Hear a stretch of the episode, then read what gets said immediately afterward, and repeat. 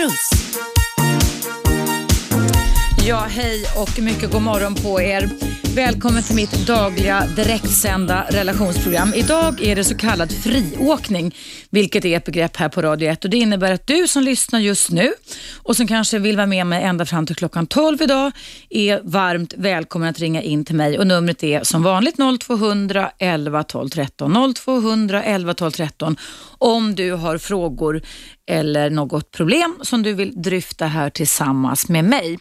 Jag är psykolog och psykoterapeut och har mångårig erfarenhet som relationsexpert. Inte minst är jag och fortsätter att vara det också på Aftonbladet, Nordens största dags, dagstidning.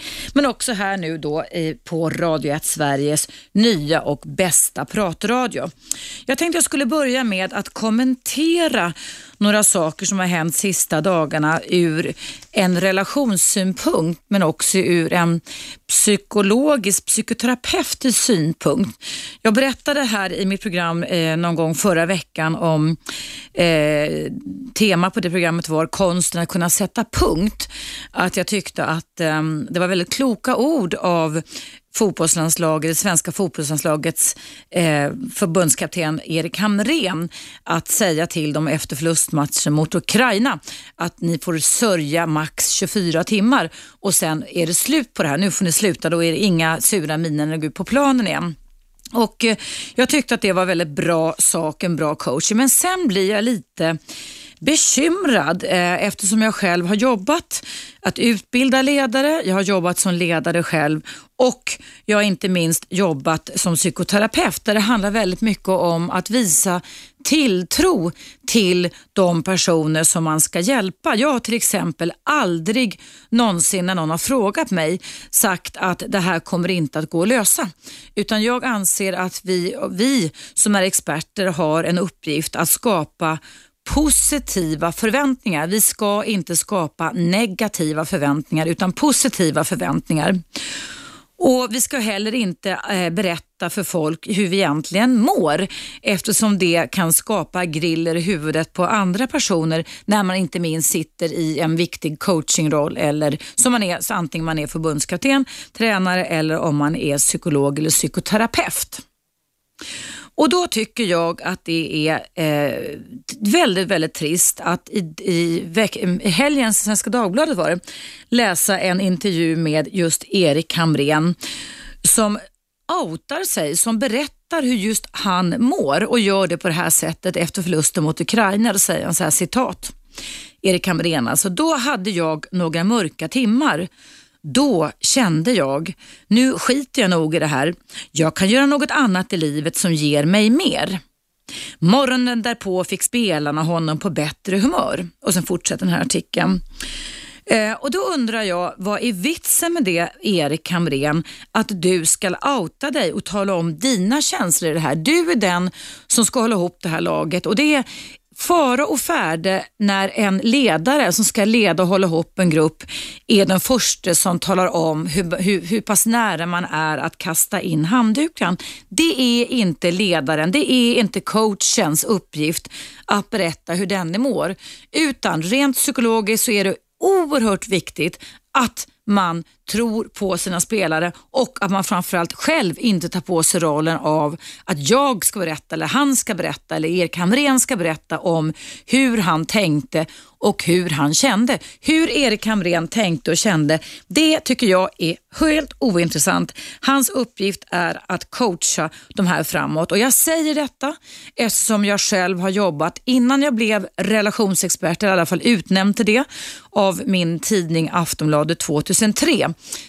alltså för nio år sedan, så hade jag då ett förflutet inom idrottsvärlden. Hela 17 år har jag jobbat med att hjälpa lag och ledare att utvecklas och att komma över barriärer, blockeringar, förluster och så vidare.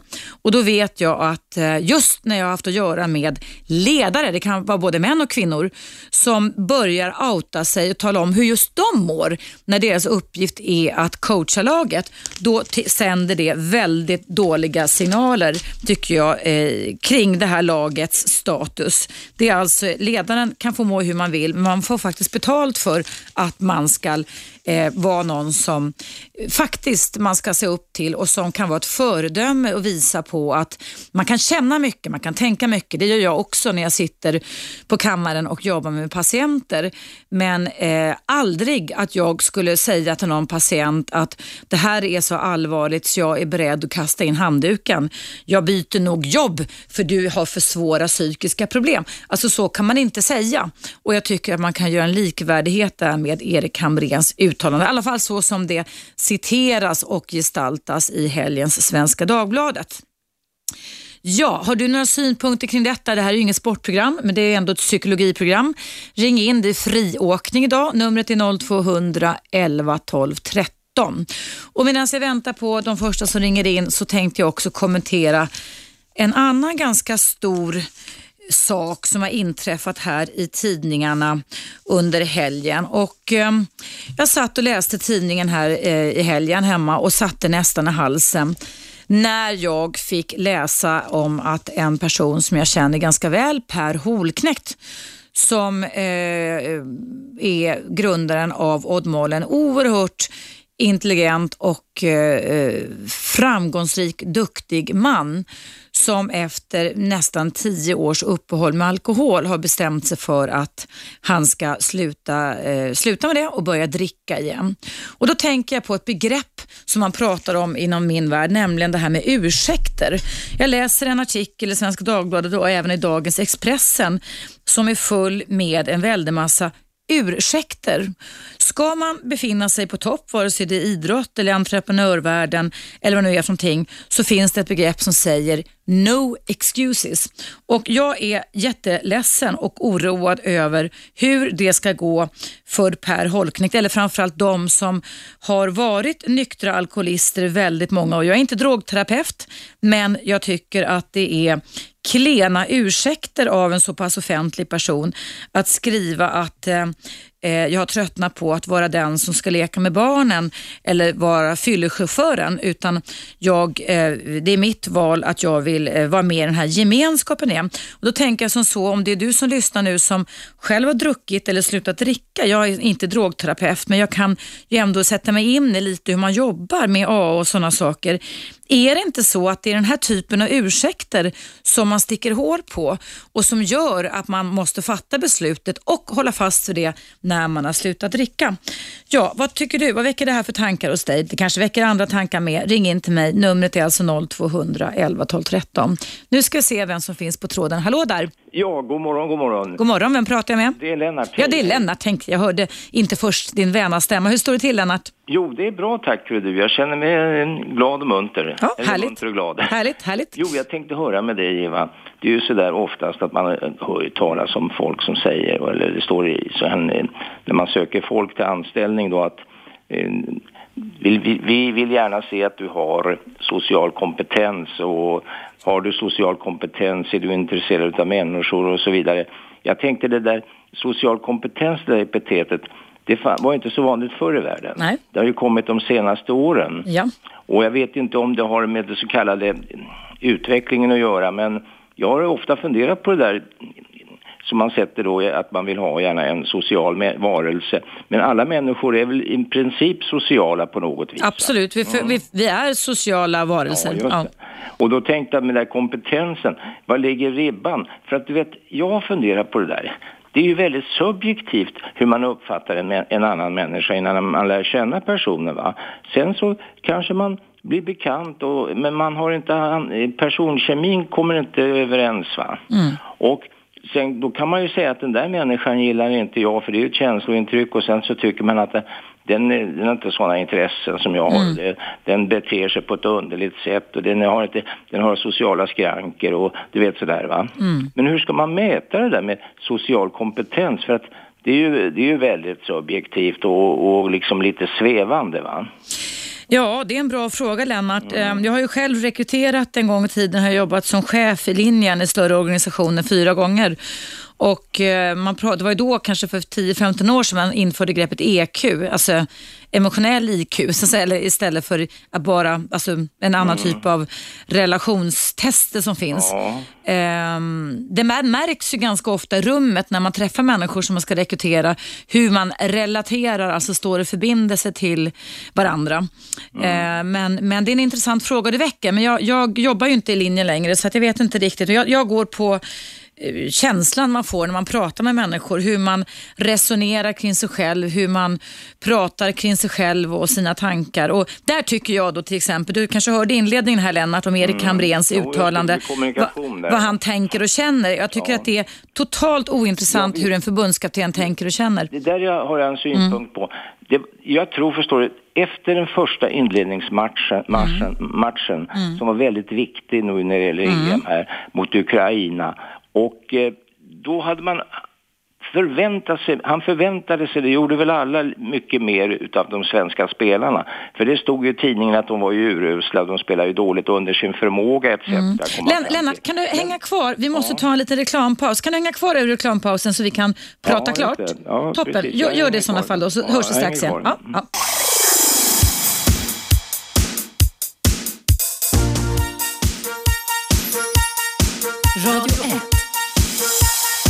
Russ.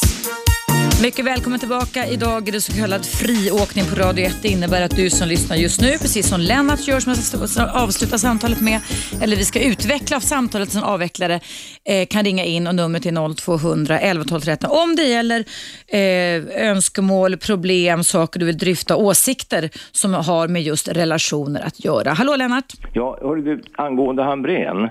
Så det, det var ju en otrolig besvikelse självklart. eh, Och tidningarna de, de vedrade ju där ordentligt. Va? Och eh, han hade väl mycket höga ställda förväntningar. Men som du säger, han gav ju alldeles fel signaler. Och han kunde ha gått ut och sagt, om man ska eh, måla med bred pensel som Aschberg brukar säga, grabbar nu, jä, nu jävlar måste vi spotta i nävarna, i händerna och ta nya tag här och så analysera misstagen gemensamt. För han själv hade ju suttit uppe på natten och tydligen efteråt sett filmen. Då får man ju hoppas inspelningen från matchen då att alla del, var deltagande där och att, han, att de försökte analy, han analysera läget först, va, vilka misstag de har gjort och sen kunde de andra komma med synpunkter. Och han hörsammade det och sen kunde man komma fram till... Det är, ja, det är så man gör, men vad, vad, jag, vad vi pratar om Lennart, vad jag vill ta upp det är just det här att han ska inte outa sig som förbundskansler. Hans tankar och känslor är inte så viktiga om han tänker sluta eller inte eller kasta in handduken. Nej, nej, det ger helt fel signaler till, le- alltså en ledare får betalt för Ja, att, att vara lite plåt-Niklas, så att säga. det är det man får betalt för. Det är ungefär som eh, Napoleon skulle ha vänt på hästen och, och ridit ifrån. eh, Ja, och sagt shit, nej det här verkar för farligt, jag tror jag ångrar mig, jag vill inte med. det Da- Darius gjorde när han mötte Alexander. Va? Han flydde ju med vagnen och då kom ju allting i upplösning. Va? Ja. Hela persiska armén gick ju under. Va? Ja. Nej, men grejen är ju den att Hamrén skulle ha gått ut där och hållit färgen och sagt det grabbar att vi gjorde de här misstagen men vi kan bättre. Vi, Mm. vi, vi är bättre än vad vi visade, presterade på planen. Så låt oss komma igen nu gemensamt och vi ska kämpa. Det tycker jag är en bra inställning. Mm. Det tror jag att han kanske säkert också gjorde, men Mm. som sagt, han ska inte berätta vad han tänker och känner och att han tänker kasta in handduken och säga att alltså, han, ska, han får betalt Jo, för att han ska leda laget framåt och det gör man inte genom att säga att man är beredd att byta jobb. Liksom. Men det mest skrämmande var ju det att spelarna fick eh, räta upp hans rygg. För att, som du sa, Ja. där, att han hade sagt Att han ändrade, att han Ja. blev på bättre humör. När, Ja, att spelarna gjorde honom på bättre humör. Det är ju omvända roller va? Det- det... roller, det är tvärtom. Det ska vara en coach, ska ju peppa då. Han ska ju peppa spelarna, inte tvärtom. adepter, alltså. Så att det, är, det är lite farovarning tycker jag. Du Lennart, Ja. det är många som ringer nu. Tack så jättemycket för Ja, dina tack själv. synpunkter. Ha det jättebra. hej då, hej. hej. Nu ska vi se vem som ringer. Hallå, vem är där? Ja, ja.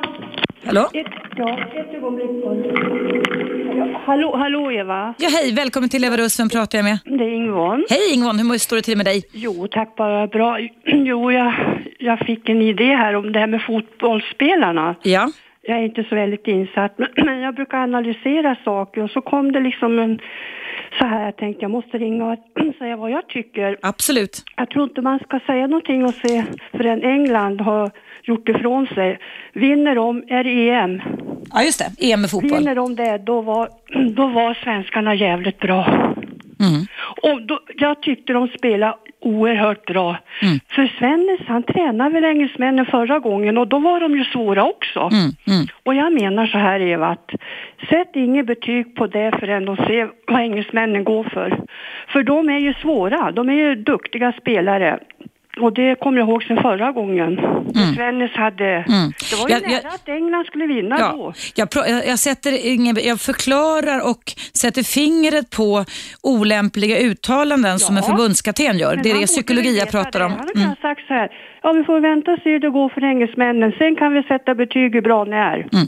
Precis, De jättebra. var superduktiga. Ja. Tusen tack Ingvon, tusen tack. tack. Ja, du lyssnar på mig Eva Russ i, på Radio 1 och det handlar då egentligen om relationer. Jag tog upp det här med Erik Hamrén som det finns en relationssynvinkel på. Nu ska jag se vem som finns på tråden. Hallå, vem är där? Ja, hejsan. Tord heter jag. Hej Tord, välkommen till mitt program. Tack så du ha. Vad vill du prata med mig om? Nej, du nämnde lite grann om det här med, han, eh, vad hette han, Paul som hade gått ut eh, och sa att han tyckte att det var så tråkigt att vara nykter. Just det, det, det är Per- Per Hålknekt som har gått ut nu i flera tidningar och sagt att han kan ha, ha drickandet under kontroll och att det var så tråkigt att man inte var med i gemenskapen när man, när man var nykter. Ja, precis. Eh, och det är det som är lite spännande. Eh, alltså jag är ju alkoholist men nykter sedan sju år tillbaka i tiden och det här är ju typiskt, typiskt brukar vara i varje fall, ett tecken på när man förbereder sitt återfall utan att vara själv medveten. Vad vad bra att du säger det Tord, för att jag, jag, som sagt, jag är inte drogterapeut men jag har reagerat ganska rejält på det här ändå. Fortsätt att berätta eftersom du kan detta och känner till det här Tord. Ja, jag känner till. eh, Jag har ju varit lyckligt befriad från återfall under den här perioden. Men det som är väldigt vanligt, har jag konstaterat, är att det här är just vad som försiggår. Att du börjar liksom inse, eller tro på något sätt, att det som tidigare var, ja, att du helt enkelt är frisk på något sätt. Va? Och därmed inte begriper bättre än att, ja, suget är för stort. För det är fullständigt självklart att har jag tagit ett beslut, insett att jag är alkoholist och förlorat kontrollen över mitt liv.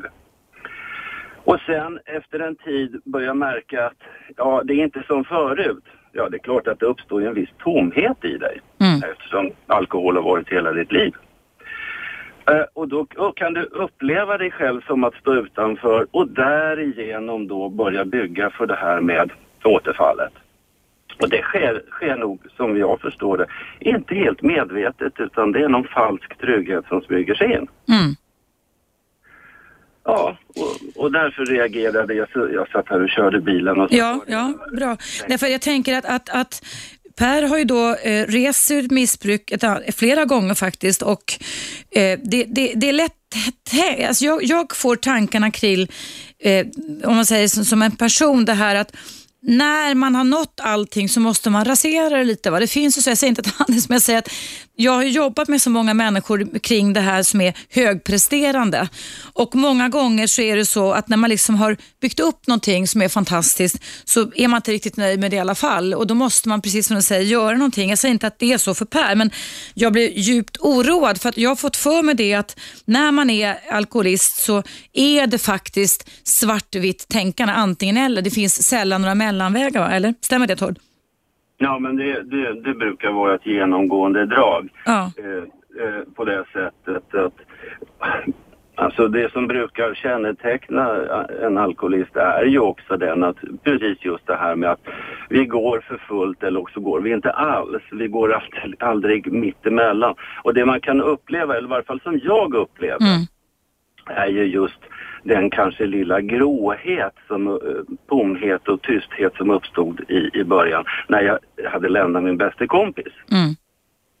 Eh, då hade jag ju liksom ingenting kvar. Eh, vad jag då måste göra det är ju börja bygga upp ett vanligt liv. Mm. Hur länge drack du Tord innan du slutade för sju år sedan? Ja, det hade nog pågått i säkert 25-30 år. Oj, oj. Eh, så att eh, Tror du att du skulle åka dit om du skulle resonera som Per Holknekt, att du skulle dricka lite socialt då och då emellanåt eller? är fullständigt övertygad. Mm. Eh, så är det. Mm. Eh, alltså, det är ju det här med att hur definiera alkoholismen som en sjukdom eller inte. Idag är den definierbar och sagd att vara en sjukdom.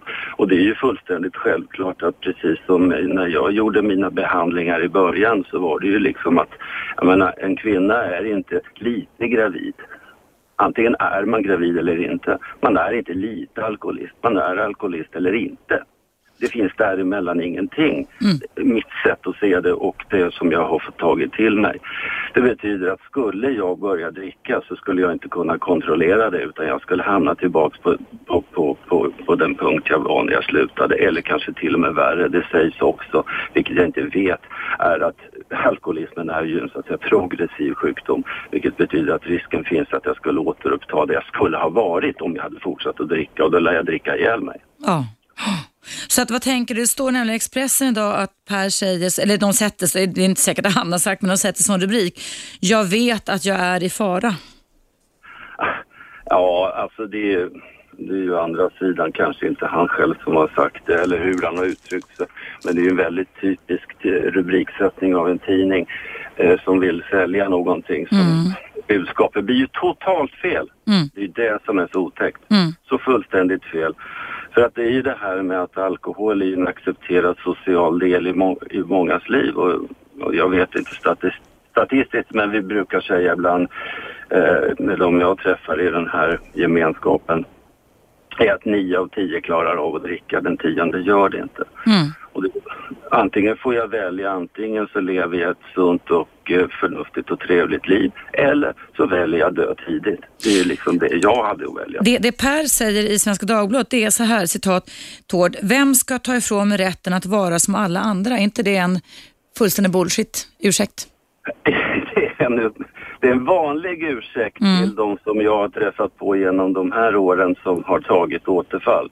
Eh, är just den att eh, du liksom bygger upp någon, någon del av att du inte är med. Och, och, det är ju det som är problemet därför att det jag brukar väl säga att alkoholen och drickandet det är ju ett symptom på ett annat problem. Mm. Eh, och det som första delen det är ju då att lägga ner drickandet. Nästa del är ju att försöka ta hand om det som är det faktiska problemet och det faktiska problemet sitter ju inne i mitt huvud. Mm. Mm. Eh, de flesta som jag har träffat på träff, gäller mig i allra högsta grad också att jag har ju liksom då inte haft kontakt med mina känslor. Svårt att sätta ord på mina känslor. Är du bättre på det nu då när du inte har druckit på sju år? bättre men långt ifrån lärd ska jag vilja säga. Det kommer ju ta jättelång tid för mig innan jag kan hitta den här som de kallade då för den här berömda halvmetern, alltså kontakten med magen. Det, mm. det är bättre. Vad skönt, vad roligt. Lever du i en relation Tord avslutningsvis eller? Ja. Ja, vad härligt. Så att det har gynnat, har du varit vit, eller nykter alkoholist, förlåt, även ja. var alkoholist in, i, i samma relation där du sen nu är nykter alkoholist? Ja, precis. Vilket är, kan jag säga, väldigt ovanligt. Mm. Eh, det brukar ju inte fungera. Vad? Eh, just att bibehålla en relation, eh, för, för, ofta så har det spruckit och det är därför som det så att säga. Just det. Här, gick, mm. här var det väldigt nära, det var ju millimeter ifrån. Mm. Men ni klarade av det, det är ju jätteroligt, det är verkligen att gratulera Tord. Du Tord, tack så väldigt mycket för att du ringde in och berättade dessa viktiga faktakunskaper. Eh, det tror jag bidrar till många som lyssnar och funderar över det här just nu eftersom det går runt i media. Och vi får hålla tummarna för att um, det inte går åt pipan för Per Holknekt tycker jag i alla fall. Nej, i och för sig vill bara säga att faktumkunskaper är kanske ta i. Däremot är det ju mina upplevelser och det mm. jag har sett och lärt mig i det hela. Ja. Huruvida det är fakta eller inte, eh, det kanske finns många tyckanden om. Vi kan men... be andra ringa in också som har den erfarenheten. Men tusen tack Tord, vi ska ha lite nyheter just nu. Tusen tack, hej då, hej. Tack, hej.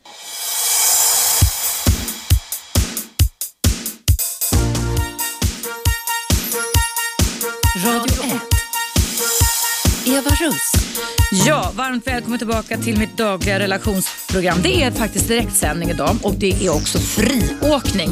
Och det innebär att du som lyssnar kan göra som Tord gjorde här innan pausen och som Lennart gjort och även Kenta som ringde in till mig under pausen som ska mejla mig sen att eh, ringa på numret 0200 11 12 13 och berätta eller ställa frågor eller diskutera sånt som har med relationer att göra.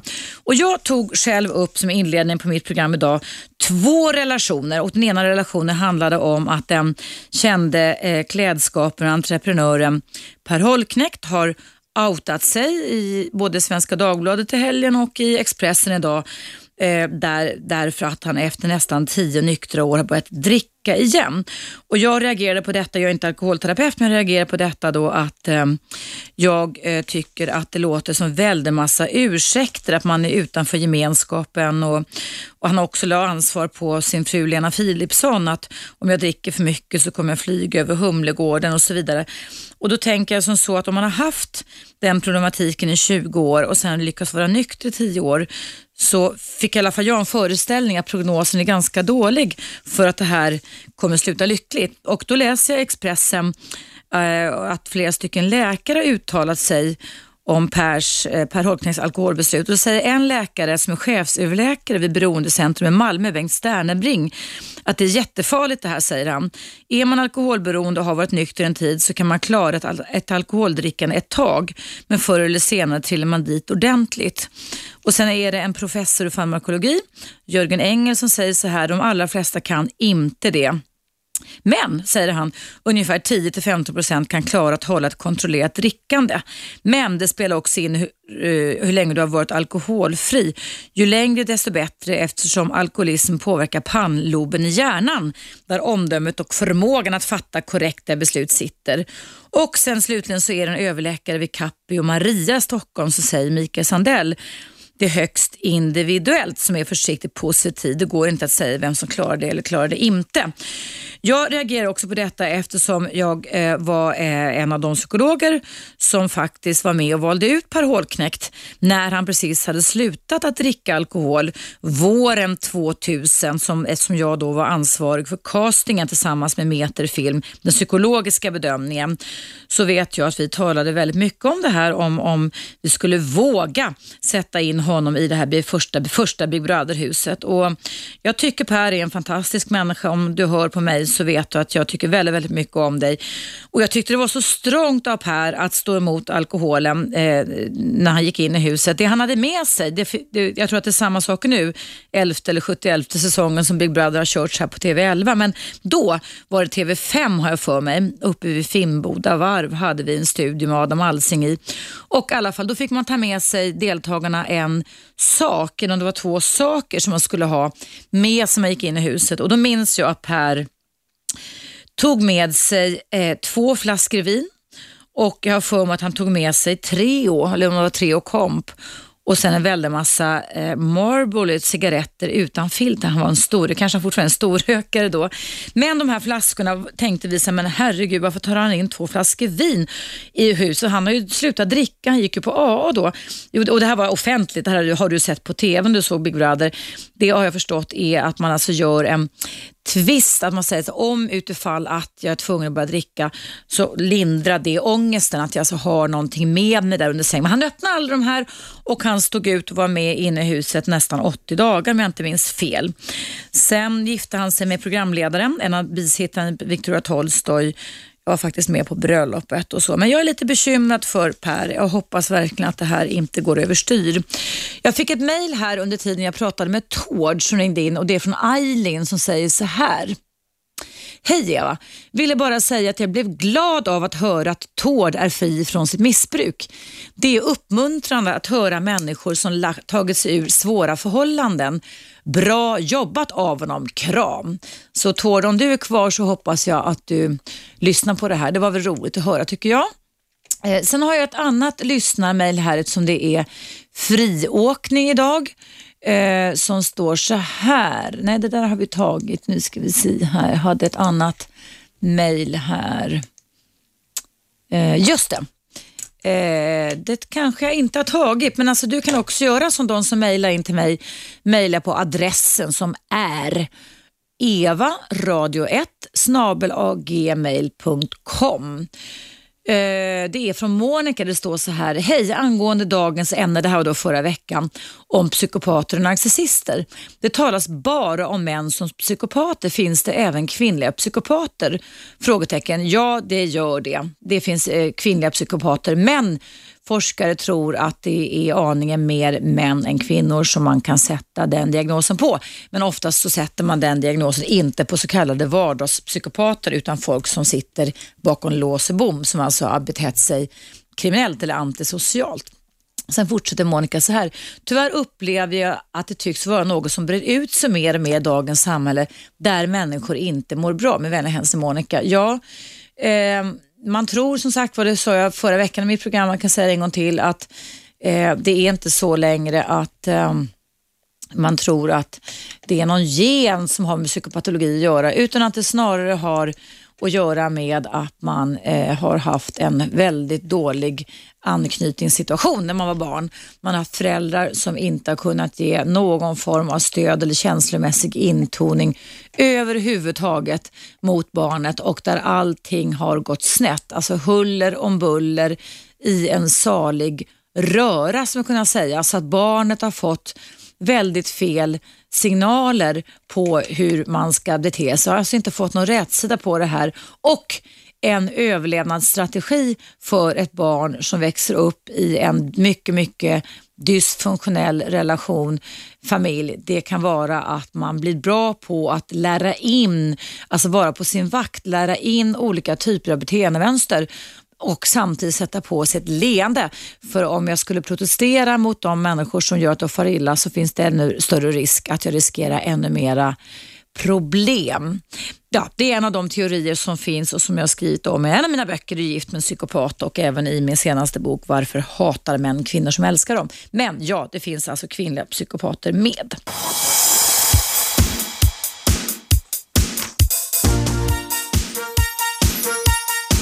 Radio 1. Eva Russ. Hej och varmt välkommen tillbaka till mitt dagliga relationsprogram. Idag är det så kallad friåkning. Det är fritt för dig att ringa in och dryfta alla andra frågor som har med relationer, sex och samlevnad att göra. Eh, numret hit är 0200 11 12 13 och mejladressen hit är eva radio 1 snabel a gmail.com. Nu ska jag läsa upp ett mejl jag fått ifrån Marie som då har mejlat mig på den här mejladressen evaradio1 och skriver så här. Eh, det kom då förra veckan men vi hann inte läsa upp det då. Hör dig prata om att inte vara bitter utan gå vidare. Och Då kan jag säga till dig som lyssnar att det var ett program jag hade här om veckan som hette Konsten och vitsen och vin, vinsten med att kunna sätta punkt. Och Sen fortsätter då Marie som skriver så här. Hör dig prata om att inte vara bitter utan gå vidare, punkt. Men jag kan inte. Tycker livet varit ganska orättvist hela vägen. Är 41 år och förlorade jobbet till en yngre förmåga för ett par år sedan har nytt på gång men är fortfarande sur. Har inga barn och tycks inte kunna träffa någon för de bara springer så fort det blir, blir barnprat. En av mina väninnor sa en gång att jag osar ångest och att det är därför, punkt. Vi är inte vänner längre men nu så här ett par år senare känner jag att hon kanske hade rätt. Känner att jag som en gång i tiden var en glad tjej numera är rätt sur och bitter. Vill ta mig ur den känslan och det beteendet. Hur ska jag göra tycker du? Tack för hjälpen Marie. Mm. Ja, du som känner igen dig i den här problematiken ska spetsa öronen nu. Eh, det är ju givetvis så att det är mycket lättare att träffa en person live och ta, ställa mer följdfrågor när man jobbar som psykolog och psykoterapeut som jag gör. Men eh, det här att man kan bli bitter och att man ser på världen väldigt negativt. Man drar ner på förväntningar och föreställningar och när man drar upp rullgardinen på morgonen så ser man bara alla hinder och inga möjligheter. Det är ett klassiskt depressivt tecken tecken. det finns något som heter dystemi som är att man alltså är låg i sinnesstämningen och när man har, det finns också depression, det finns depressionsgrader. Eh, det finns tester för det här. Man kan gå till en husdoktor och de kan ganska snabbt göra en kartläggning. Man behöver alltså inte vara psykiatriker för att kunna klargöra om man har en depression eller inte. Och ibland kan det vara så som i Maries fall att när man upplever att man har drabbats av många bakslag, orättvisor som hon skriver här, så kan det faktiskt vara så att man eh, fastnar lite i sig själv. Och eh, då behövs det, precis som hon säger, hjälp ut ur de här onda cirklarna. Eh, det kan bli precis som Marie säger, massa måsten och borden. Att när du träffar män, för du vill ha barn, du är 41 år, så är det det, man, de märker att det är det som sysselsätter dig hela tiden och det leder då till att ni inte kan relatera till varandra på ett annat sätt. Ehm, men om det är så att du, du Marie och du som lyssnar känner igen dig i det här att man, du en gång i tiden var en annan person men att du numera är rätt sur och bitter och vill ta dig ur den här känslan så skulle jag nog ändå rekommendera att du söker upp ehm, en husdoktor eh, ber att du får göra en bedömning för att många människor där ute kan faktiskt gå omkring med en depression i sig utan att de liksom tycker att de är självmordsbenägna. Det, det kan visa sig på det här sättet att man alltså har väldigt negativa förväntningar på sig själv, andra och framtiden. Och har man upplevt många bakslag så kan man alltså ha låga serotoninnivåer i hjärnan och då kan det faktiskt vara bra att alltså just få en läkarbedömning först och se om man kanske då ska få något serotoninhöjande, alltså en psykofarmaka, som jag som terapeut vet har en fantastisk bra inverkan hos de människor som likt Marie här som har mejlat mig känner att man traskar runt i ett träsk. Jag hade en eh, ung patient som en gång beskrev det här som att det var precis som att klafsa runt i ett träsk. Att var man än vände sig så kände man att det var sånt motstånd i benen. Alltså att, och att solen gick aldrig upp. Jag tyckte det var en väldigt träffande metafor för hur det kan upplevas och kännas när man är deprimerad. Ehm, och Ehm, det är många bakslag som Marie som har mejlat mig har upplevt. Förlora jobbet, vill ha barn, har inte träffat någon som har barn, klockan klämtar, hon är 41 år gammal ehm, och känner sig sur och bitter jämt och ständigt. Så att husdoktor, eh, eh, depressionsbedömning, gärna om, jag vet inte var du bor någonstans Marie, gärna kanske en remiss Eh, till en kognitiv beteendeterapeut, en sån som jag, som jobbar med kort, alltså lite kortare terapier som det behövs, ja, ibland behövs det men inte alltid långa KBT-terapier, snitt behandlingstiden som jag upplevt och jobbat som terapeut nu i tio år är ungefär 10 till 12 gånger. Sen finns det givetvis avvikelser, men det är vad jag tycker att du Marie skulle göra. Eh, sen finns det en fantastisk självhjälpsbok som jag kan rekommendera, eh, skriven av en författare som heter Deborah Tannen, Deborah Tannen, som heter Att ta sig upp när man är nere. Att ta sig upp när man är nere och den innehåller mycket fylleriövningar. Den är riktigt, riktigt bra, att du fyller i saker i den. Eh, väldigt, väldigt bra. Och Sen finns det också en ny bok eh, som är översatt till svenska där författarna heter Jeffrey Jung, i, O, U, N, G och Janet Klosko, Klosko, K-L-O-S-K-O. På engelska heter den Schema Therapy, men på svenska något helt annat. Eh, lycka och känsloliv, något sånt där. Men om man frågar i en väl eller googlar på de här namnen så kan du säkert se den svenska varianten. Och den skulle kunna vara väldigt, väldigt, väldigt bra att eh, ta till också. Man kan börja faktiskt, det är inget fel, det är inget fult med självhjälpsböcker inom psykoterapi eller psykologi. Eh, man kan skaffa sig väldigt mycket kunskaper faktiskt på det sättet. Så jag hoppas att du Marie lyssnar på mig nu och att du får lite vägledning just kring det här, hur du känner just nu. Nu ska vi se vem som finns på tråden. Hej, vem är du? Vem är du? Hallå? Hallå? Välkommen till Eva Russ, vem är där? Ja, tjena. Hej, vem är du? Åke. Förlåt? Åke. Åke heter du. Hej, välkommen till mitt program. Tack. Vad vill du prata med mig om? Jag tänkte hon Marie där. Ja, som har mejlat mig. Ja. Hon var 42 va? 41. 41. Eh, hon har inga barn. Hon har inga barn men hon vill gärna ha barn skrev hon. Ja, ja. Det borde man kanske tänkt lite tidigare då. Eller, eller då får hon börja träffa 20-åringar som eh, har liksom tid att ta hand om barn och sådär. Om vi förstår vad jag menar. Mm. Fast det är ju inte lätt att säga till någon som är 41 och vill ha barn, eller hur? Ja, men det är bara att inse själv att det, nu, nu, nu har man liksom gjort bort sig. Totalt. Ja, det håller jag inte med om i och för sig. Men vart vill du komma? Och jag vill komma bara det att eh, jag som man, 40 år, jag vill ju inte längre ha barn. De vill jag ha när jag är ung. Jag vill inte eh, liksom slita ut mig till eh, 60 för att eh, betala eh, allt. Mm, mm. Fast det finns ju en del, både män och kvinnor som skaffar barn långt upp i ålder också. Det är bara att åka till Gambien eller någonstans och, och liksom fixa barnen på det viset. För eh, jag tror att vi män är inte intresserade i den här åldern längre. Eller träffa yngre män och blåsa dem. Mm. Ja, fast det handlar, inte om att, det handlar inte om att blåsa utan det här det här handlar om... tycker jag det. För eh, om hon är 41 år och hon går runt och snackar jag vill ha barn. Mm. Då eh, backar ju alla som är i samma ålder. Mm. Ingen eh, 41-årig man vill ha barn längre eh, om de har haft det en gång. De vet exakt vilket Mm. helvete det blir. Jag känner ju till flera fall eh, i min krets där kvinnor som är 41 år har åkt till eh, Riga och skaffat surrogat, eh, eller blivit, eller nej, nej förlåt nu säger jag fel, men blivit inseminerade med okända spermadonatorer och blivit lyckliga mammor när de är 42-43 år gamla. Men då är, de ens, då är de ensamstående mammor då istället. Eller liksom eh, går runt i, i eh, restauranger och eh, knullar runt lite grann. Förr eller senare blir man på smällen.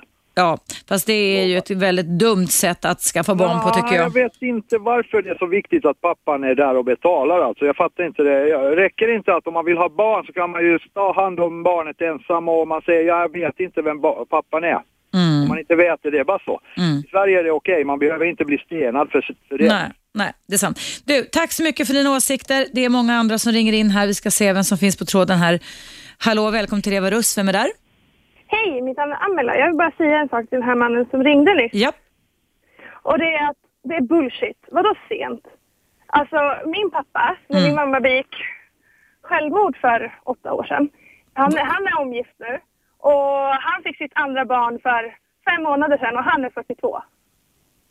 Fan. Så, du, så du har fått ett li- lillasyskon kan man säga? Ja, jag har ett till ett som, är, som ska fylla fyra nu i juli och sen har jag en lillebror som är fem, sex månader mycket annat. Tycker att det är roligt? Ja, det tycker jag. Och jag tycker att det är inte för sent. För Nej. Det verkar funka jättebra. Ja, nej alltså jag håller verkligen inte med den här mannen. Jag tyckte jag kände igen hans röst, typ påminde om någon Jari som ringer in hit. Men det kanske inte var det. Men, det, det, men visst, det är en åsiktsradio, men det här programmet försöker vara, eller inte ens försöker, jag är mycket seriös. Så att jag tog bort honom lite där. Jag tycker att det, när det kommer sådana lite ja, provocerande åsikter, det som inte hjälper folk framåt. Men du hjälper oss framåt. Det var väldigt kul att höra. Att ja, man, alltså, jag tycker hon har jättemycket tid. För att, alltså, som sagt, hon fick ju sitt senaste barn. Hon är bara ett år yngre, så hon är 41. Precis som den här kvinnan är. Så Mm, vad roligt. det Det, enda problemet tyvärr för oss kvinnor får man säga, det är ju det, som, så jag vet inte om du har hört det i skolan, att, vi, att våra ägg tar slut. Är det en kunskap tror du som man har hört mycket? Ja, självklart. Det har gjort, nej, för jag, det, det fick jag liksom lära mig för 15 år sedan, typ, alltså att äggen tar slut. Men när jag gick i skolan så var det ingen som upplyste oss om det. Medan herrarnas spermier aldrig verkar ta slut. Därför kan man bli pappa långt upp i åldern. Det är ganska ojämlikt hur vi fungerar rent könsmoget och produktionsmässigt också, män och kvinnor. Ja, jag förstår det, men jag tycker bara det är skittaskigt. Alltså när en person ändå mår så himla dåligt. Ja. Uh, Man ringer, Alltså, inte, in, man ringer inte, on, inte in och förstärker det personliga problemet man har, eller hur? nej, men precis. Då tycker jag att man kan behålla sin åsikt. Ja. Ibland så, så behöver man inte säga allt man tycker. Nej, nej, jag håller verkligen med om det. Du, tack för dina åsikter. Pussa på din, dina småsyskon. Hälsa din pappa. Ja. Tack så mycket. Hej, Tack för att du ringde in. Hej då, hej.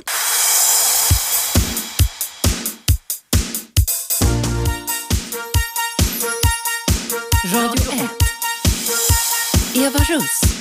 Varmt välkommen tillbaka. Idag är det så kallad friåkning här. Det är fritt för dig att ringa in till mig. Numret är 0200 11 12 13 och det handlar givetvis då om relationer. Jag ska berätta att Jonas ringde in här i pausen och sa att eh, jag hade sagt fel, att äggen tar slut. Han sa äggen tar inte slut hos oss kvinnor utan de blir gamla. Och det har du ju helt rätt i Jonas. Tack för detta. Eh, sen berättade också Jonas eh, eh om sin och sin flickväns eh, strävan att bli gravida där det var väldigt, väldigt synd om hans flickvän som eh, också då var 41 år, lika, lika gammal som Marie som hade mejlat in till mig och eh, de har fått ett antal missvar. Jättetråkigt. Jag håller verkligen tummarna Jonas att det här kommer att gå bra. Eh, mailadressen till mig är evaradio1 Det kom in ett mail precis nu ifrån Micke. Då står det så här. Har varit tillsammans med min flickvän i sex månader. Men hon har aldrig visat intresse på att utföra oralsex på mig. Är en man. Ja, Micke. Eh, det var allt som stod alltså i det här mejlet till evaradio1 Eh, det är ju faktiskt så att ehm, eh, vissa, både män och kvinnor, har inte lust att utföra vissa saker bara för att man själv har den lusten. Så kan det faktiskt vara. Eh, och Det kan bero på att man inte är intresserad, att man, man, man, är nöjd med sexlivet som det är. Det kan ha att göra med att man kan ha föreställningar och förväntningar kring den speciella, specifika sexuella eh, metoden som leder till att man bromsar sig själv och tycker inte om det helt enkelt. Det där är väl någonting du kan föra upp och prata kring. Man ska våga prata om sex och olika saker man vill göra i sitt sexliv med. Men är det så att din flickvän inte vill utföra oralsex på dig så är det någonting som du får acceptera.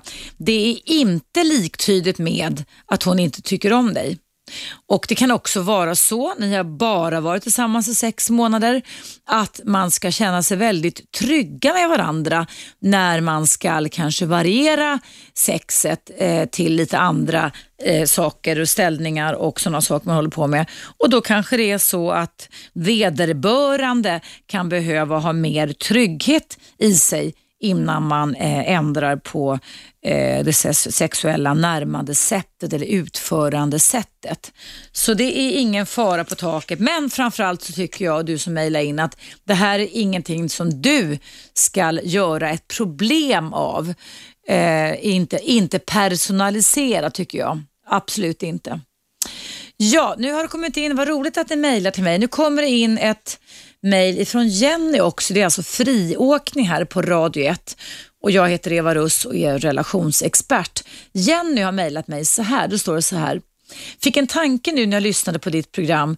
Är vi i citat den rika världen mer mottagliga för psykologisk ohälsa? Jag tänker på de problem man kan få av en otrygg barndom av olika slag. Ser man på en stor del av den övriga världen har få barn ens tillstymmelse till trygghet.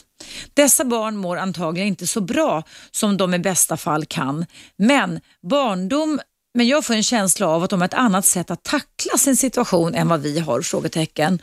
Har själv haft en turbulent barndom och har fortfarande i vuxen ålder oläkta sår. Fick dock lite perspektiv på mitt liv efter en Indienresa och möte med utsatta barn där. Har du några tankar kring detta? Med vänlig hälsning Jenny. Ja, Jenny, eh, jag har faktiskt en väldigt färsk tanke kring detta. Eh, jag var i den gångna helgen bjuden till några nära vänners eh, sons eh, konfirmation, en bar mitzva. De är alltså judar och eh, den här lilla pojken, 13 år gammal, som är en fantastisk liten grannpojke till mig, en jättefin familj. Eh, jag fick då, eh, fick då vara med under både själva bar mitzvan och festen som gick av staten så sent faktiskt som igår kväll. En för övrigt fantastiskt livsbejakande fest och där fanns det i den här gemenskapen väldigt många väldigt gamla människor som alla har varit utsatta för förintelsens plågor och öden.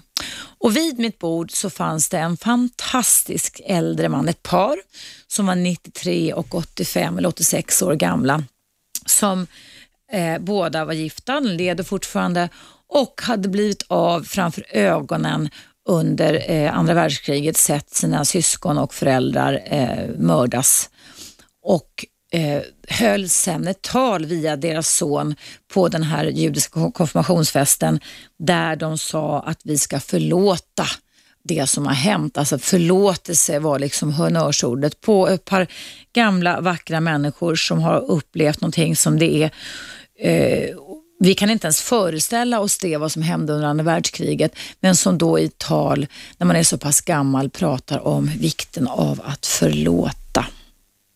Det innebär, det var mitt perspektiv igen och det innebär ett färskt perspektiv. Det innebär att eh, man kan skaffa sig, precis som de, precis som du har gjort, perspektiv på livet genom att eh, uppleva andra saker. Ibland kan jag också hålla med om att det kan vara så att man kanske Eh, går bakom eh, och kan psykologisera lite mer. Du skriver så här, är vi i den rika världen mer mottagliga för psykologisk ohälsa?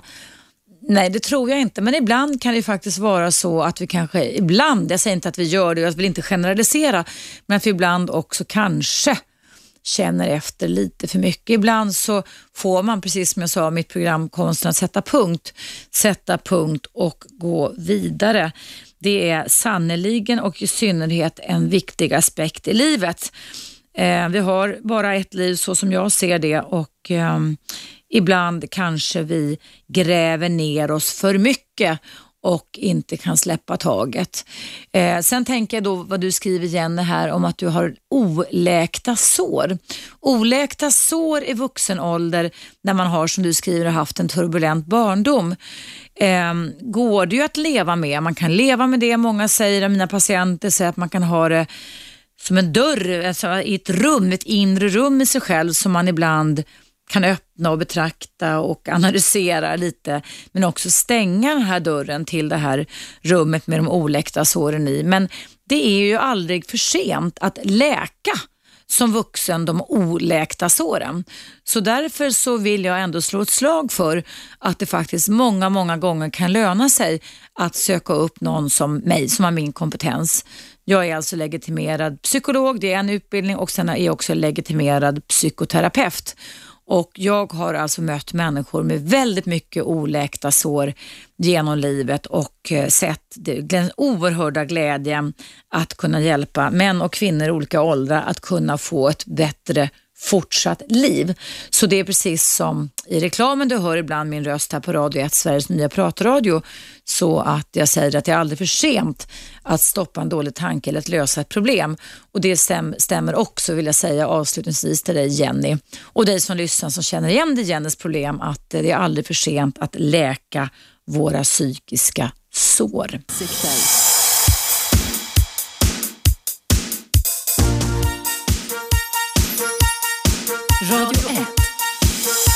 Eva Russ.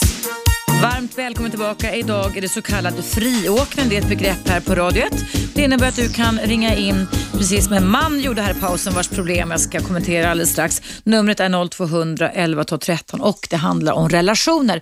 Jag har fått ett mejl eh, ifrån Rickard apropå att jag läste upp ett mejl ifrån Marie som kände sig sur och bitter och ledsen och var 41 år och gärna ville ha barn. Och Då har Rickard gått in. Det är så underbart när ni lyssnare coachar varandra. Det är så fint, det är så varmt och gott när ni gör det. Tack Rickard, jag ska läsa upp ditt mejl nu. Hej Eva! Angående den 41-åriga kvinnan som saknar en relation och som önskar få ha barn. Jag vill uppmana henne att gå med i någon av alla befintliga dejtingsajter på nätet. Utöver rena dejtingsajter så finns ju även en stor citat aktivitetssajt som fungerar på samma sätt men där gemensamma aktiviteter med andra singelmedlemmar utgör utgångspunkten att träffa en partner. Det fina, fortsätter då Rickard i mejlet till mig, i kråksången är att när hon skriver sin personliga profil, alltså beskrivningen av hennes intressen, personlighet etc. så kan hon vara tydlig med att hon önskar skaffa barn. Simsalabim, du vet, nu vet alla män som läser hennes profil och sen tar kontakt med henne vad hon vill. Vill de samma sak så är ju åtminstone den förutsättningen för ett framtida förhållande klargjort. Precis som det finns barnlösa kvinnor som längtar efter barn så vimlar det av män där ute som önskar samma sak. Och många av dem finns på dejtingsajterna. Lycka till hälsningar Rickard. Tack Rickard för det mejlet. Det värmer verkligen. Nu ska jag kommentera en lyssnarproblematik jag fick in här under pausen som var alldeles nyss. Det ringde in en man som är 36 år och som har varit ihop i ungefär åtta månader med en tjej som är 27. Och De har hamnat i någonting som eh, jag även i min spalt i Aftonbladet ganska ofta får kommentera, nämligen den här oenigheten huruvida och när och om man ska skaffa ett gemensamt barn. Problemet för denna 36-åriga man är att han vill ha barn nu. Han har en bror som, om jag uppfattar det rätt, har fått barn eller ska skaffa barn och han vill inte vänta så länge till. Men hans flickvän som är 27 har skäl, anser hon i alla fall från sin utgångspunkt, att vänta i sex år till. Och det vill inte den här mannen för då tycker han att han är för gammal. Då är han själv då 42 år. Eh, och nu han inte jag, eh, han vill inte vara medverka radio, men jag lovar att jag ska försöka coacha er. Eh, jag tycker då att det är lite fara och färde om man i inledningen av en relation, jag har bara varit ihop på åtta månader, att det är så tydliga motsättningar kring en sån här sak. Eh, min erfarenhet är att det mesta kan lösa sig om man eh, verkligen har tillräckligt starka känslor för varandra. Självklart kan man ha sina skäl och jag vet inte vad din flickvän hade för skäl som är 27 år och vill vänta tills hon då är alltså 33 och skaffa barn. Det kan ju vara olika målbilder, olika utbildningar eller saker hon vill uträtta innan dess. Men det är lite före och färde anser jag när det blir för oflexibelt.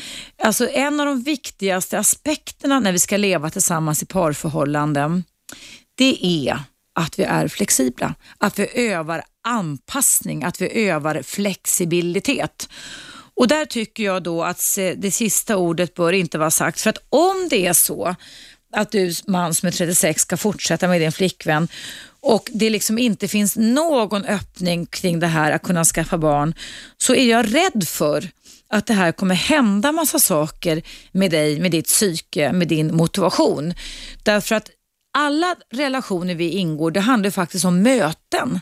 Möten på väldigt många olika plan. Det är inte bara det att vi kopplar upp våra hjärnor rent hormonellt och kemiskt när vi blir kära i varandra.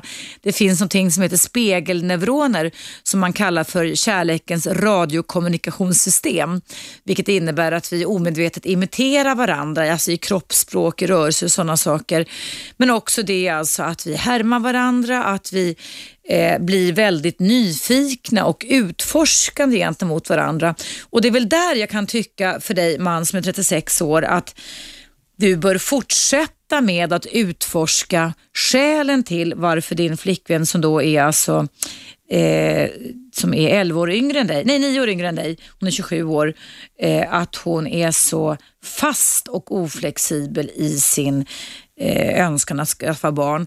Ibland får man ju lov att kompromissa, eller rättare sagt varje parrelation handlar om att kunna kompromissa. Och Jag tycker vi kan droppa föreställningen att det alltid måste vara 50-50. För det är det faktiskt aldrig i verkliga livet, det kan du droppa. Men jag kan ändå tycka att det blir väldigt konstig maktbalans, om man säger så, en relation om man eh, säger så här är det, punkt slut. Och om man själv lider av detta, om man själv som den här mannen som ringde in är frustrerad över detta och känner att jag vill ha barn nu och min partner vill inte möta mig kring det här så kan det bli väldigt, väldigt knepigt. Ni, ni ska givetvis fortsätta att leva med varandra ett tag till. Åtta månader är ingen lång ålder men, på en relation, men jag tycker ändå att ni bör komma under ytan på varandra så att hon tar in dina specifika känslomässiga och tankemässiga skäl till varför du vill skaffa barn ganska snart och, och att hon får faktiskt beskriva för dig lite mer vad hon ser i sin framtid som inte du ser. Uppenbarligen ser ni ju på er framtid på olika sätt och så kan det vara. Men ska ni leva i en parrelation, ska ni lyckas lyckas rodda parrelationen in i en lång överlevnadstid om man säger så, så är det här med god anpassning till varandra och flexibilitet och att utforska varandra de absolut viktigaste egenskaperna. Man kan säga mentala eller psykologiska egenskaperna. Så att ge inte upp utan fortsätt att prata kring detta. Eh, och Eh, det kan ju faktiskt vara så att din flickvän, man 36, som ringt in till mig, att hon har fastnat i en föreställning eller hon har haft drömmar innan hon träffade dig för åtta månader sedan och att hon, man ibland kan det vara så när man går in i en kärleksrelation och är så, allting är liksom så intensivt så att man inte hinner med tanketid för sin egen del. Så att eh, fortsätt att prata om det här och se om ni kan öppna upp för olika typer av möjligheter kring det här.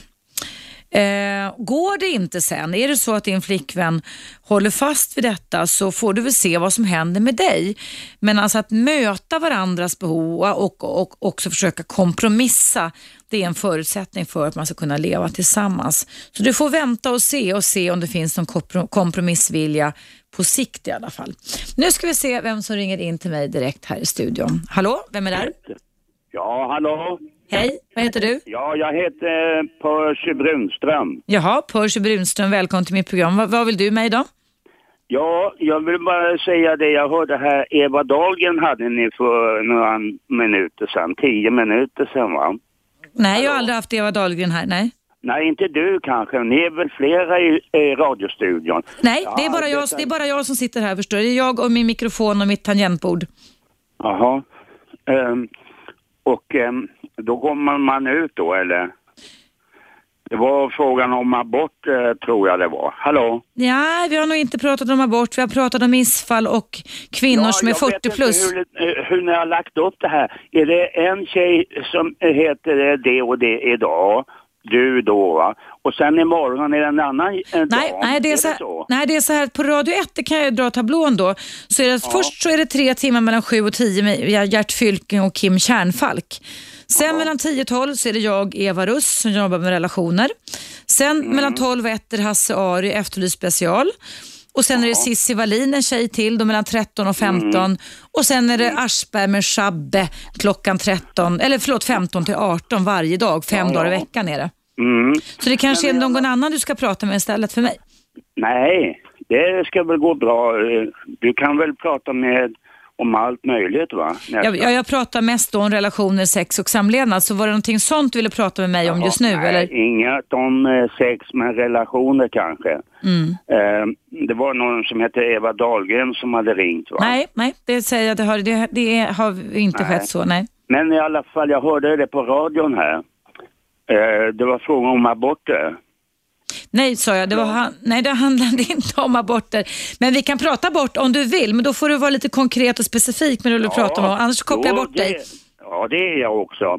Eh, ni, all, eller, den som talade i radio, jag hörde ju inte vem Mm. det var och vad hon hette. Men där pratades om aborterna då i Indien. Att eh, de pratade om barnen i Indien och Irak, om att Eh, det skulle vara lite fria aborter, eller om det var fria aborter. Nej, fast, vet du, det har vi faktiskt inte pratat om i vårt program. Du, jag får tacka dig så jättemycket för att du ringde mig, men det var inte det vi pratade om just nu. Men jag ska läsa upp ett mejl här ifrån en lyssnare som har skrivit så här. Oh, det här var ruskigt. Det står så här. Hej! Ett spädbarn som blir utsatt för ett kvävningsförsök. Hur påverkar, präglas det senare i livet? Frågetecken. Ett spädbarn som blir utsatt för ett kvävningsförsök. Hur påverkar, präglas det senare i livet? Tack för ett bra program. Med vänlig hälsning Lill. Ja, Lill, jag har faktiskt mött, inte ofta, men eh, eftersom jag har jobbat som psykolog och psykoterapeut i mer än 30 års tid, sammanlagt i alla fall, så har jag mött, mött människor som innan man ens hade ord har varit med om förskräckliga övergrepp och våldsamheter. Och då lagras alla den här typen av ångest och rädsla i hjärnans känslomässiga system och känslomässiga minnessystem också. Allting vi är med om räfflas in inom oss. Men ett spädbarn som inte har fått språket, det brukar man få runt ett och ett halvt, två års åldern kan givetvis inte prata om det, men längre fram i livet så kan man gå omkring som vuxen. Jag vet det för jag har mött sådana patienter. Och Eh, antingen så kan man eh, få någon form av ångest eller fobiattacker kring det här. Man kan få, fobi innebär då att man, eller få en specifik fobi, att man undviker olika saker. Man kanske undviker saker som sitter, halsband, smycken, sjalar, tröjor. Men man har liksom inget minne av det. Man kan inte härleda till var den här otäcka och obehagliga känslan kommer ifrån. Ehm, så det kan det är väldigt individuellt hur det kan påverkas. Ehm, en del människor skulle jag säga kan påverkas jättemycket och en del människor kan påverkas lite. Om man vet att ett spädbarn, spädbarn som det står i mejlet, det är alldeles ruskigt alltså att läsa det här, som har blivit utsatt för ett kvävningsförsök, så är det väl bra att man på något vis skriver ner dokumentationen kring det. För den dagen det här spädbarnet blir vuxet så kan det faktiskt vara så att den personen mår dåligt och behöver bearbeta, när man då har orden till sig, det som man känslomässigt har upplevt. Och Vi ska ha klart för oss att alla saker vi går igenom från det att vi föds, kanske till och med innan vi föds, sätter sina spår i våra emotionella, alltså känslomässiga och affektiva och min, eh, känslomässiga och minnessystem i hjärnan. Ordlösa traumatan kan leda till upplevd ångest, rädsla, oro, fobier av olika slag när man är vuxen. Och Då kan det vara bra om någon känner till att barnet varit utsatt för ett mordförsök låter det här faktiskt som att man kan dokumentera den dagen barnet, eller tonåring också, eller barnet för den delen, visar symptom på att man mår dåligt. Usch så förfärligt, men tack för att du mejlade in om detta. Lilja, jag är väldigt nyfiken på att höra, har du varit med om det här? Har, har, har, har du hört någon annan? Du kan du inte mejla en gång till till mig. Och mejladressen är evaradio1 snabelagmail.com. Ja, usch så förfärligt.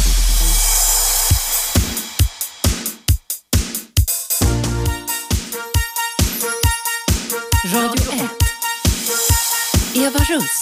Välkommen tillbaka. Ja, det är så underbart när jag har friåkning här i mitt dagliga relationsprogrammet direktsändning att samtalen böljar mellan det ena och det andra. Och innan pausen så kommenterade jag ett eh, lyssnarmail som ju var förfärligt men nog så viktigt ifrån Lill som frågade om, om man som spädbarn hade varit utsatt för ett kvävningsförsök, om detta skulle kunna ge säg, eh, ja, symptom när man är äldre och eh, mitt svar var självklart kan det göra det. Det är inte så att det gör det på alla, men eh, dokumentera allt som har hänt och nu varit vittne till det eller hört att det varit det så att den dagen den personen som varit utsatt för detta mordförsök behöver bearbeta det rent känslomässigt, vilket jag nästan är 100% säker att man behöver göra förr eller senare, så kan det finnas någon, som man kan, någon kunskap, någon fakta som man kan bolla det här på så att man eh, inte minst kan bli trodd om man kommer till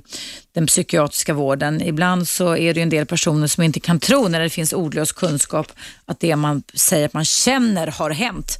Och Det är ett typiskt exempel på att man känner att något har hänt men man vet inte riktigt vad det kan vara. Och Då är det viktigt att det finns någon slags dokumentation så att man vet att det var så.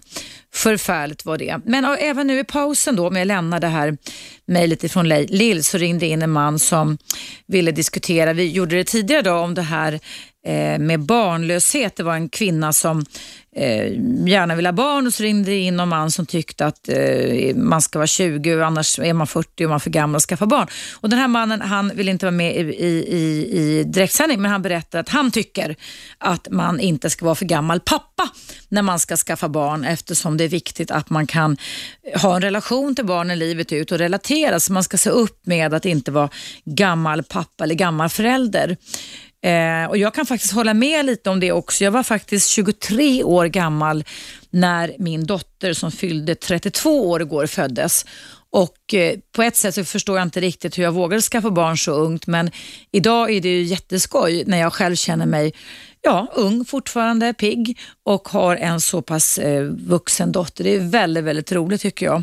Mång, idag väntar ju många Eh, både män och kvinnor, men framförallt kvinnor upp till 35-40 års åldern. Och eftersom våra ägg kan bli gamla, inte eh, eh, något annat, så jag sa fel förut, så kan det ju finnas en risk med att man kanske inte får de barn man vill ha och att man blir kanske mormor eller farmor när man har gått i pension. Jag är själv mormor och ska bli mormor en gång till och tycker det är jätteroligt att jag är så pigg tack vare att jag fick barn så pass tidigt. Men som sagt, det är fritt val kring detta. Jag vill inte pracka på dig som lyssnar någonting kring detta. Nu ska jag läsa upp ett mejl som kom för några dagar sedan från Kikki. Då skriver hon så här. Hej Eva! Du hade ett program för ett litet tag sedan som handlade om en utvisningshotad man. Du tyckte att myndigheterna var rigida med stor stil. Ja, Kiki, det var när vi hade den här samexistensveckan här på Radio 1. Så hade jag på tråden en ung flicka som heter Camilla som sitter i en isoleringscell eller en klav kan man kalla det för någonstans i Sverige med sin iranska man där myndigheterna är, de är gifta i Sverige, de har barn tillsammans på två och ett halvt och där myndigheterna är extremt rigida. Så jag ville bara briefa dig som lyssnar just nu och även Kiki då att det var jag som sa så. Och då fortsätter Kiki sitt mejl till mig så här. Ja, myndigheter är oerhört rigida. Ett exempel och så fortsätter Kicko och skriver så här. Min son då 20 år fick ett ganska långt fängelsestraff. Han ville göra det bästa av sin tid i fängelse för dit ville han absolut inte igen. Fint tänkte jag. Då sätter vi igång. Han ville utbilda sig till svetsare. Bra med arbetstillfällen, perfekt! utropstecken. När man sitter i fängelse så tar allt en väldigt lång tid. Det vill säga man kan inte sätta igång och ringa runt och kolla var och när det finns möjlighet att börja en utbildning. Alltså, säger då mamman Kiki. Jag hjälpte till. Jag tog kontakt med alla som kunde tänkas ha med detta att göra. Anstalter, utbildningsansvariga, arbetsförmedlare med mera. Kort sagt, jag fick till, jag fick till det kort sagt, jag fick till att det stod en plats för svetsutbildning för den fängslade sonen och väntade på honom när han skulle placeras ut på anstalt, parentes efter Kumla. Men kan du tänka dig Eva, att när det kommer till kritan så sa placeringsenheten nej till detta. Men vad fan, parentes, ursäkta uttrycket, tänker man varför det? frågetecken. Och så fortsätter då eh, Kikki så här. Ringde upp till alla inblandade igen och frågade varför.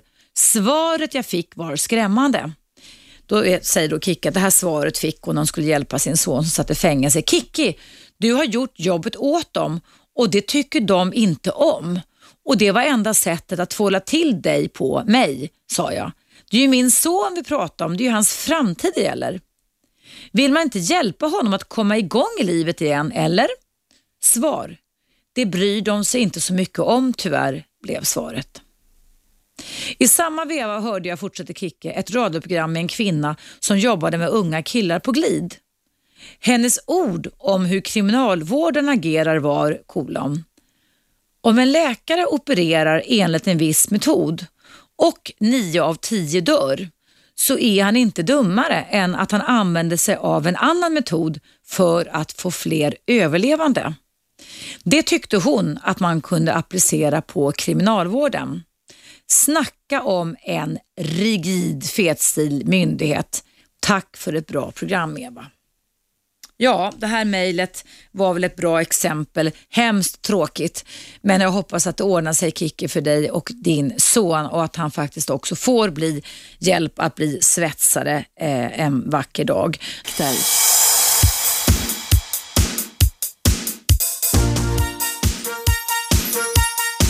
Radio 1. Eva Russ. Varmt välkommen tillbaka till mitt dagliga relationsprogram. Idag är det friåkning och jag har eh, Ricardo här på tråden. Ska vi se. Hallå Ricardo! Ja, hej Eva. Hej! Du, jag pratades vid lite i pausen här. Du berättade att du har haft väldigt, väldigt ont i huvudet i flera år, sa du. Ja, ja, alltså när jag väl hostar, alltså det här med hostningen, då, då, då får jag den här smärtan i huvudet Mm. som gör jag måste nästan börja på knäna för att hålla emot liksom. Mm. Smär, men det är bara när jag hostar att jag får det här. Men utöver det, då får jag den här smärtan på huvudet, alltså på skallet liksom. Ja. När jag tar på mitt huvud, då får jag den här känslan, den här smärtan, du vet. Och Och du har inte blivit slagen i huvudet eller något sånt? Eller nej, slagit i huvudet eller nej? nej, ingenting sånt. Har du varit utsatt för något tra- traumatiskt, traumatiskt i livet, Ricardo? Ja, det har jag. Alltså senaste som jag gått igenom var då äh, jag som busschaufför blivit, vad heter det, misshandlad bakom ratten. Oj. Ja, Var det länge sedan eller? det där var förra året. Jag bara tänker att ibland kan det ju vara så att det kan vara antingen fysiskt våld men också psykiskt som kan sätta sig på olika smärtreceptorer i hjärnan. Och du upplever att du får inte något gehör hos den doktor du går till i Rågsved sa du? Ja, precis. Alltså, jag, jag går till, jag, jag har precis varit hos läkaren här i Rågsved och det känns mer som, ja, varsågod kliv in, tack för de där 200 kronor. Du får ju 10-15 minuter på dig, prata om dina besvär. Sen om det finns någonting utöver, varsågod och kom tillbaka. Alltså det, det känns inte som någon bryr sig. Alltså jag kommer från Barbados och jag minns när jag väl var uh, hos läkaren på Barbados att de tog den tiden som det tog. Alltså det var ingen press på tiden. De, de tog den tiden och de går igenom allt. De lyssnar på det, de går igenom allt vad heter det, problemen som du, du, du upplever. De är intresserade av relationen, Ricardo, eller hur? Ja, precis. Och det, det måste man vara om man ska hjälpa andra människor. Ja. Uppenbarligen inte din doktor i Rågsved. Nej, det känns inte som han, han... Kan du, by, kan du byta doktor, Ricardo?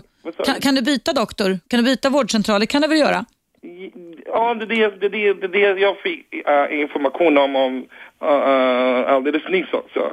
Om man, jag, jag, jag kan byta läkare, men vad heter det, jag, jag, jag minns, vad heter det, för några år sedan, att jag varit på någon annan läkarvård, jag tror att det var i Högdalen. Ja, det, det, det, känns, det känns som de har, jag vet inte om det är att de inte bryr sig eller om det är att de har press på dem att det ska vara på det här viset. Och det är pengar, vi måste dra in så mycket pengar som det går. Men det, det ska ju inte gå ut över vården till... Det, menar, du kan, det här måste du få hjälp med att ta reda på och det minsta du kan kräva är väl en remiss till magnetröntgen? Ja, alltså det är det jag, det, det, jag, det, det jag frågade honom om. Och det var inget snack mer om det liksom. Han, han snackade liksom om att jag, ska, jag måste vända mig tillbaka till honom. Det är mina chefer som sa till min morsa, jag, jag måste till läkaren. Ja. Och jag tog det där året för någon, för det verkar som alla bryr sig. Förstår du?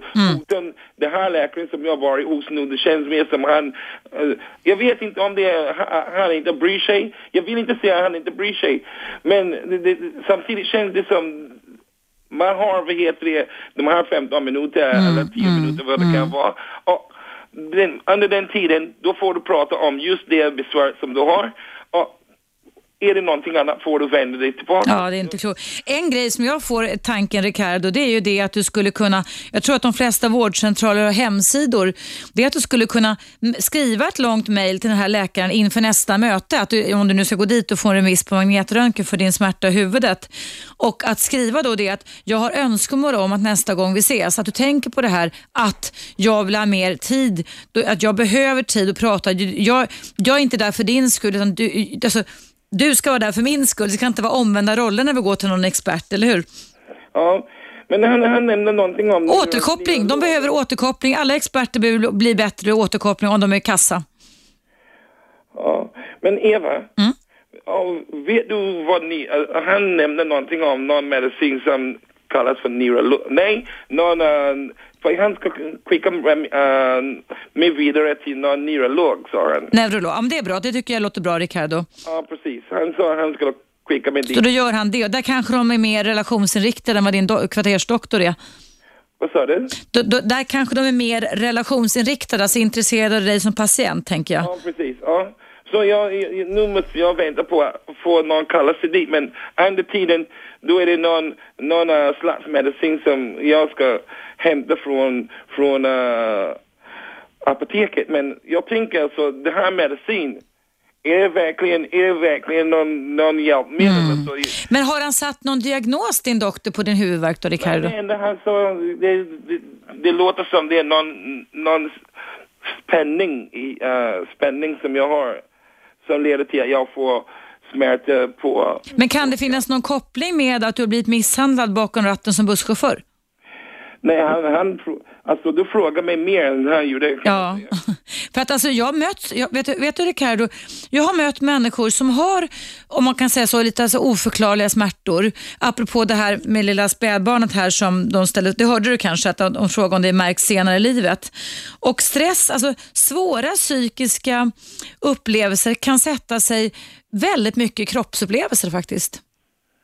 Ja, men, alltså jag gick till läkaren, jag kom hem, jag, alltså jag gick till läkaren med bra, på bra humör, du vet. Ja, ja. Med tanken om att nu kommer jag få hjälp. Just det. Jag gick därifrån och mår sämre än när jag gick till läkaren. Ja, det är ju inte klokt. Så ska det inte vara. Förstår du vad jag menar? Ja, jag alltså, förstår. Jag fick, Mm. öppna, jag fick kämpa till och med för att öppna dörren för att komma ut därifrån. Mm. För han satt vid sitt bord och jag gick upp och för att öppna, öppna dörren för att komma ut. Mm. Ingen hit, alltså det känns...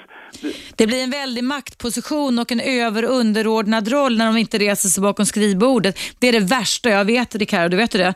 Det är det värsta jag vet när folk är så oempatiska. Det låter inte som någon trevlig doktor du har träffat hur som helst, även om man nu kan skicka det vidare till neurologen. Så här långt ska jag gå. För, för jag som invandrare, Mm. invandrare kan jag, jag kan säga så här. De här läkarna, läkare som jag har varit hos Mm. i Rågsved, det är invandrare också. Det känns som, det, det känns som invandrare, vi snackar så mycket om rasism hela tiden i Sverige, här och förstår du? Mm. Jag är inte sån, jag bryr mig inte om det här. Alla Nej. har sina åsikter. Ja. Men när man har sitt jobb att göra, jag kan säga så här, den här invandrare läkare som jag har varit hos är det sämsta som jag har någonsin träffat Ja. i, i, i mitt liv. Jag lovar. Ja. Det är så jag känner mig. Och jag hoppas att folk där ute kan reflektera, Ja, ja. säga, sam, uh, säga vad de tycker om det. För det är så jag upplever mig. Ja. Det, är- det är bara invandrare Ja. som jag har Det är förskräckligt. Du Ricardo, eh, tack för att du ringde in. Jag måste börja avrunda här nu lite, men du, hör av dig till mig igen om det inte blir bättre. Men stå på dig. Stå Jag, på. jag återkommer till dig. Gör det. Och tala om för dig hur det gick. Gör, gör det så jag kan engagera mig också. Jättebra. Men tack för att jag fick prata med dig. Tack själv. Jag hoppas det blir bra och lycka till att du ska bli pappa igen också. Det är en lycka, eller hur? Ja. Underbart. Hoppas det blir bra för dig Rakara, men hör av dig sen. Bra. Ja. Tack snälla, hej. hej. Ja, det här med relationer mellan experter och andra, det är också ett problem tycker jag. Nu ska jag avsluta med att avrunda med ett återkommande Lill. Jag eh, läste upp här för en halvtimme sedan om en kvinna som heter Lill som frågade om man som spädbarn har varit utsatt för kvävningsförsök om det märks när man är äldre. Och nu har Lill svarat mig så jag ska avrunda med det idag. Det står så här. Hej igen. Jag fick veta av min mamma när jag var runt 20 att hon när jag var cirka 2-4 veckor gammal inte stod ut när jag gråtit i dagar i sträck och tog då en kudde och försökte kväva mig. Hon hade som tur var en spärr. Jag har varit arg på henne för att hon berättade detta för mig. Det borde hon ha tagit med en terapeut istället. Jag har gått i terapi flera år men känner mig inte hundraprocentigt trygg. Hur ska jag komma vidare? Har nyligen separerat från en jättefin kille. Det tog delvis slut på grund av min misstänksamhet och att jag nedvärderar mig själv. Jag tycker om ditt sätt att terapera kan man säga så? frågetecken. Jag är 40 år idag och har inga barn. Med vänlig hälsning Lill. Ja Lill, ehm, jag tror då alltså att det du ska göra det är att söka upp en psykoterapeut som har kognitiv inriktning, vilket jag har nu, alltså KBT, psykoterapeut. Och eh, Det kan mycket väl ha att göra med det här traumat som du var med om, men det kan också kanske ha att göra med hur din relation till din mamma sett ut under din uppväxt. Ehm, det här att du varit arg på henne att- för att hon berättade för mig, det kan jag förstå. Men frågan är, tänker jag lite snabbt så här, om det kan ha varit så att ni kan ha haft en eh, lite svårigheter kanske att tyda eller förstå varandra när, när det växte upp. Och Det kan man eh, ta reda på och det kan man bearbeta och det kan man också läka när man går i, hos en terapeut. Um, så att det finns ingen tid att förlora Lill. Tack så jättemycket för denna jättesorgliga berättelser men ändå viktiga, eh, viktiga perspektiv att ta upp hur saker som vi är med om när vi är små kan prägla oss resten av livet.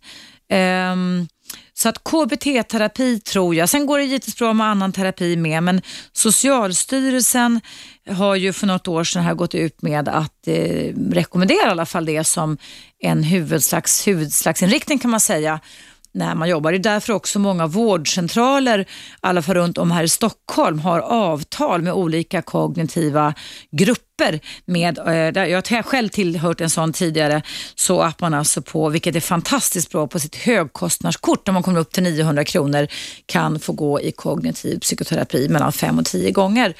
Eh, pröva det Lill och hör av dig till mig annars om det är någonting du vill berätta om hur det går för dig fortsatt i livet. Nu är det dags för mig att sätta punkt för dagens friåkningsprogram kring relationer. Jag tackar alla ödmjukast för alla er som har ringt in till mig, alla ni som har mejlat mig och alla er som har lyssnat på mig.